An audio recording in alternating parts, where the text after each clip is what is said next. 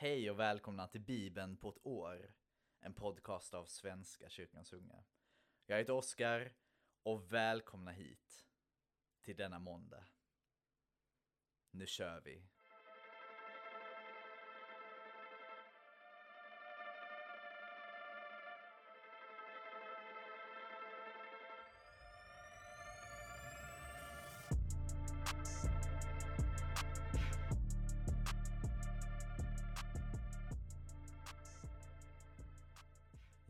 Hej igen.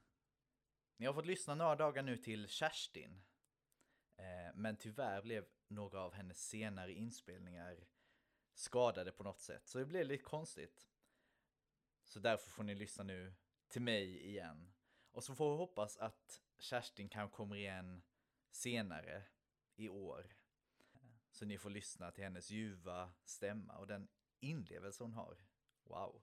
Men nu ber vi. Nu ber vi. Tack Gud för att du är med oss idag. Tack för den kärlek du har för oss. Tack för att när det är svårt så är vi ändå burna av dig. Även om vi inte märker det så gör du allt för att vi ska få ro. Du är med oss och styrker oss och bär oss. Och ibland känner vi inte det. Men du är där Gud. Och det kan vi lita på. Tack Jesus för att du dog och uppstod för oss och öppnade vägen till himmelen. Och tack för att vi en dag ska få stå där och möta alla våra nära och kära igen. Tack Gud för att allt är möjligt för dig. Jag ber att du är med oss denna dag och leder oss och styrker oss. Tack för din kärlek Gud. Var med i dagens läsning i Jesu namn, Amen. Ja hörni, så idag, idag fortsätter vi i Andra Samuelsboken, kapitel 19, vers 11 till kapitel 20, vers 13. När kung David fick höra vad som sades bland israeliterna lät han skicka bud med prästerna Sadok och Eviatar till de äldste i Juda och fråga Varför ska ni vara de sista att hämta kungen tillbaka? Ni är ju mina bröder, av samma kött och blod som jag. Varför ska ni då vara de sista att hämta kungen tillbaka? Och säg till Amasa, du är ju av mitt kött och blod. Gud må straffa mig nu och framgent om inte du hädanefter ska vara min överbefälhavare istället för Joav. På det sättet fick David alla judar på sin sida och folket skickade bud till honom att komma tillbaka tillsammans med sina män. Då vände kungen tillbaka och när han nådde fram till Jordan hade judéerna kommit till Gilgal för att möta honom och föra honom över floden. Benjaminiten Shimi från Bachorim, Geras son, gav sig samtidigt med judéerna hastigt ner för att ta emot kung David och han hade med sig tusen man från Benjamin. Siva, han som tjänade Sauls familj, hade före kungen skyndat ner till Jordan tillsammans med sina femton söner och tjugo tjänare. Och de gick över vid vadstället för att hjälpa kungens familj över och för att uppfylla alla hans önskningar. Just som kungen själv skulle ta sig över floden kom Shimi Geras son, och kastade sig ner inför honom och bad. Herre, lägg mig inte till last vad jag har förbrutit. Tänk inte på det onda din tjänare gjorde då du lämnade Jerusalem. Glöm det, min konung. Jag vet med mig att jag har felat. Det är därför jag idag har kommit som den första av Josefs ett, för att ta emot min herre och konung. Då ingrep Avishai, Serujas son.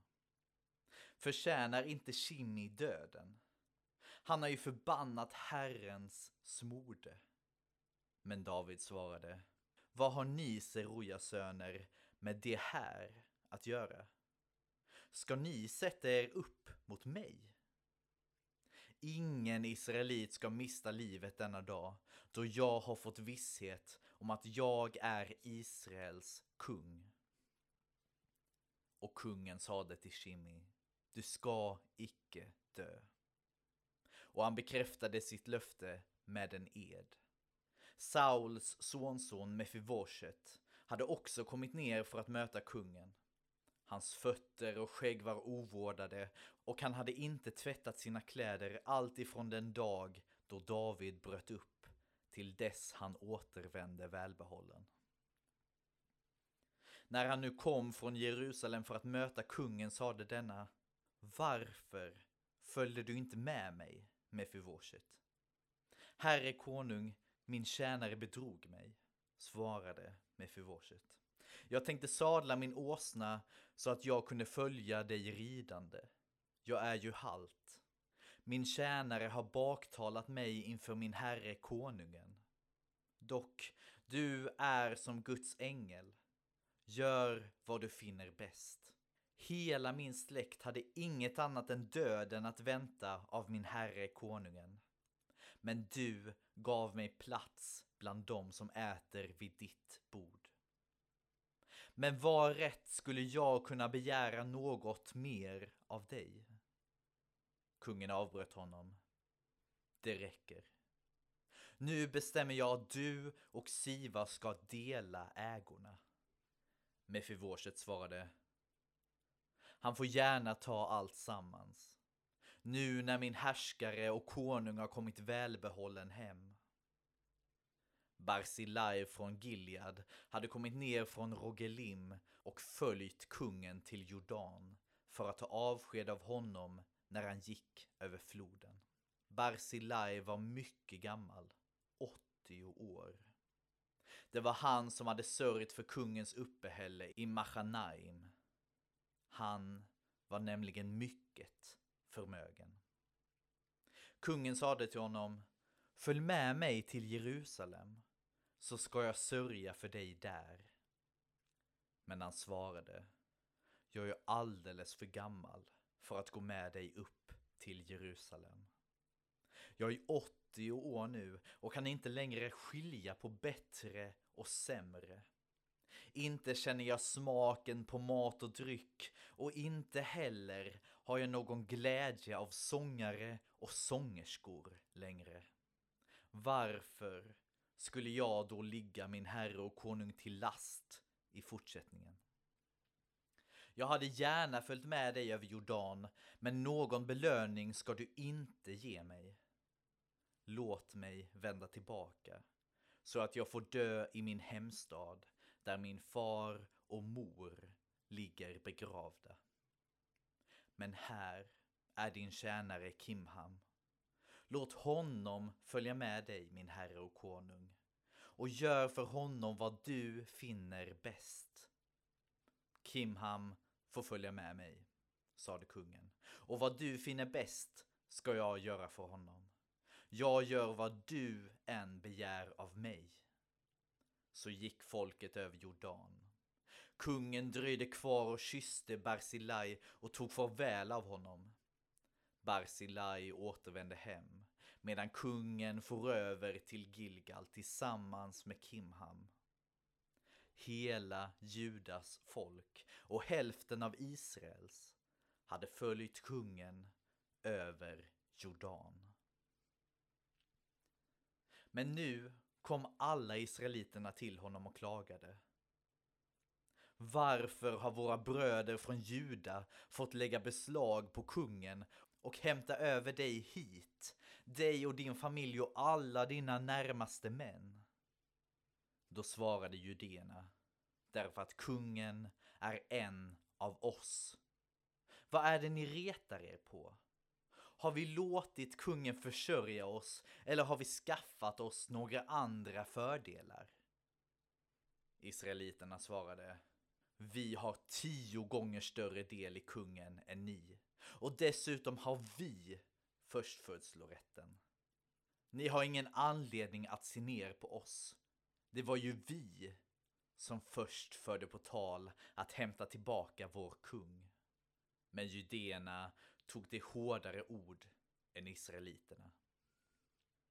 Nu dök det upp en ondsint man från Benjamins stam, Sheva, Bikris son. Han lät stöta i horn och ropade Vi har ingen del i David, inget gemensamt med Jishais son. Vänd hem, alla Israels män. Då lämnade alla israeliterna David och slöt sig till Sheva, Bikris son. Men judéerna höll fast vid sin kung och följde honom från Jordan till Jerusalem. När David kom hem till Jerusalem lät han stänga in de tio bihustrur som han hade lämnat att se till palatset. Han sörjde för deras uppehälle, men han rörde dem aldrig. De hölls inspärrade till sin död och levde som om de varit änkor. David gav nu Amasa befallning att samla krigsfolket i Juda. Han fick tre dagar på sig. Sedan skulle han inställa sig hos kungen. Amasa började genast båda upp männen i Juda. Men det drog ut över den fastställda tiden. Och då sade David till Avishai. Nu blir Sheva, Bikris son, farligare för oss än Absalom var. Ta mina män och sätt efter honom innan han lägger under sig några befästa städer och gör det besvärligt för oss. Efter Avishai följde Joavs folk, vidare kariteerna och peleteerna, och så alla kämparna. De drog ut från Jerusalem för att förfölja Sheva, Bikris son. När de hade hunnit till den stora stenen i Givon mötte de Amasa. Joav höll ett svärd i handen, dolt under kläderna. Men utanpå, i en skida vid höften, hade han ett annat svärd. Han drog det och lät det falla till marken. Hur står det till, min broder? sade han till Amasa och grep honom med höger hand i skägget för att kyssa honom. Amasa var inte på sin vakt mot svärdet som Joav höll i handen och Joav stötte det i buken på honom så att inälvorna rann ut på marken. Den stöten räckte. Amasa var död. Joav och hans bror Avishai fortsatte att förfölja Sheva, Bikris son. En av Joavs män stod vid Amasas kropp och ropade Den som är Joavs vän och håller på David, han ska följa Joav. Amasa låg mitt på vägen, nersölad av blod. När mannen märkte att soldaterna stannade släpade han undan Amasa från vägen ut på fältet och kastade ett klädesplagg över honom eftersom alla som såg honom hejdade sig. När kroppen flyttats bort från vägen fortsatte alla och följde efter Joav i jakten på Sheva, Bikris son. Vilken spännande historia hörni. Oj, oj, oj. Men nu går vi vidare till det sista kapitlet i Johannes evangeliet. Kapitel 21. Sedan visade sig Jesus igen för lärjungarna vid Tiberias sjön. Det gick till så. Simon Petrus och Thomas, som kallas Tvillingen, Natanael från Kana i Galileen, Sebadaios söner och två andra lärjungar var tillsammans. Simon Petrus sade till de andra. Jag ger mig ut och fiskar. De sade, vi följer med dig. De gick ut och steg i båten, men den natten fick de ingenting. När morgonen kom stod Jesus på stranden. Men lärjungarna förstod inte att det var han. Och Jesus frågade mina barn, har ni ingen fisk? De svarade nej och han sade Kasta ut nätet på högra sidan om båten, så får ni. De kastade ut nätet och nu orkade de inte dra in det för all fisken. Den lärjunge som Jesus älskade sade då till Petrus. Det är Herren. När Simon Petrus hörde att det var Herren knöt han om sig ytterplagget, för han var inte klädd, och hoppade i vattnet. De andra lärjungarna kom efter i båten med fångsten på släp. De hade inte långt till land, bara ett hundratal meter. Då de steg i land fick de se en glödhög och fisk som låg på den och bröd. Jesus sade till dem, hämta några av fiskarna som ni just fick. Simon Petrus gick upp på stranden och drog i land nätet som var fullt av stora fiskar. 153 stycken.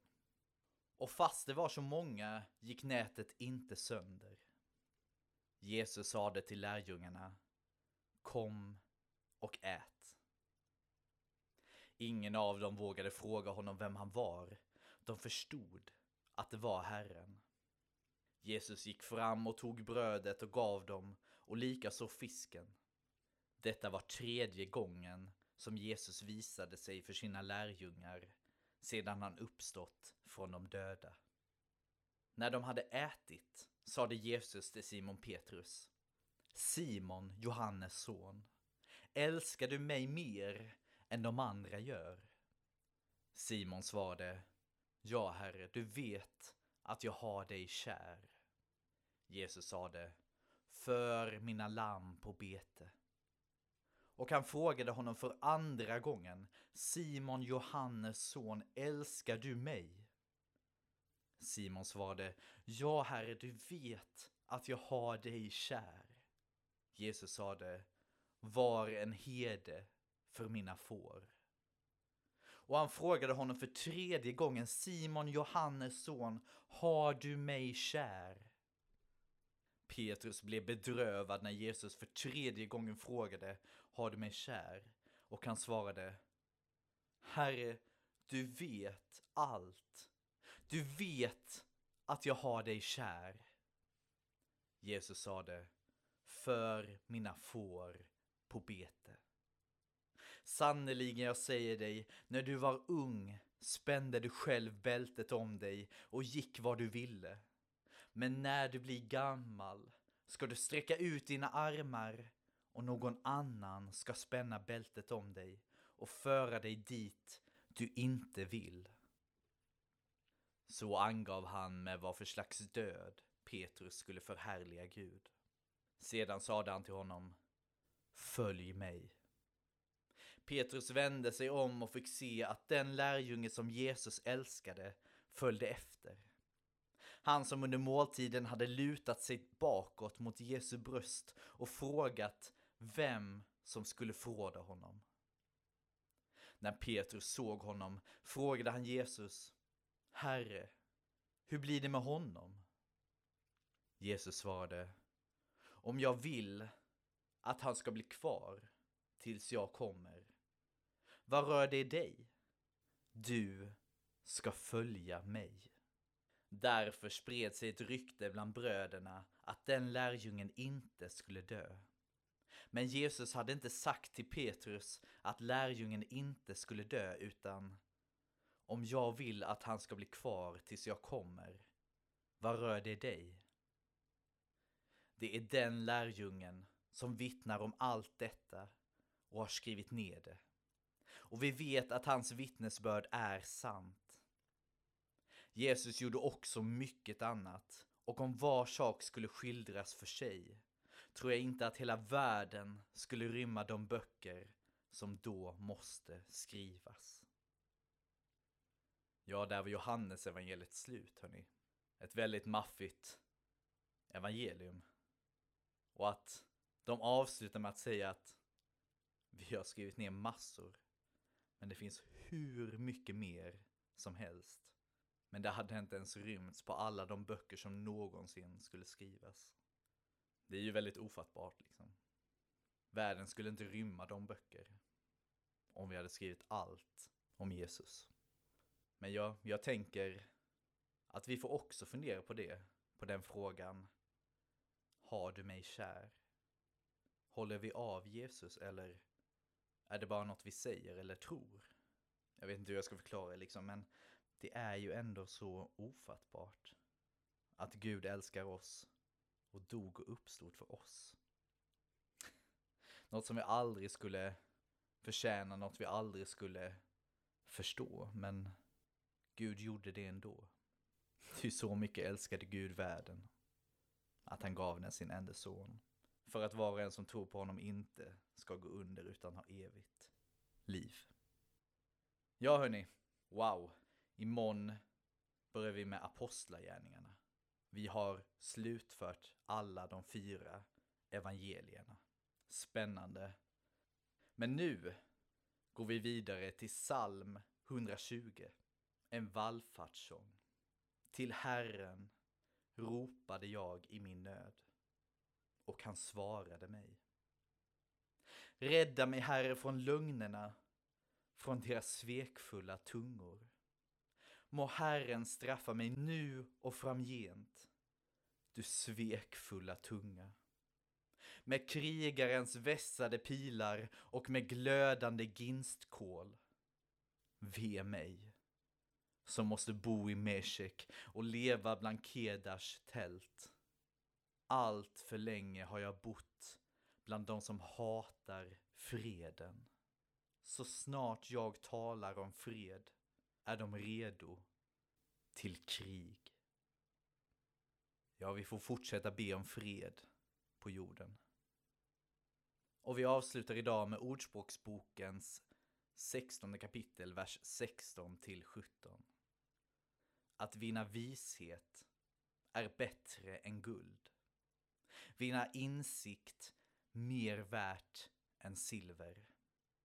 De redligas väg leder bort från de onda.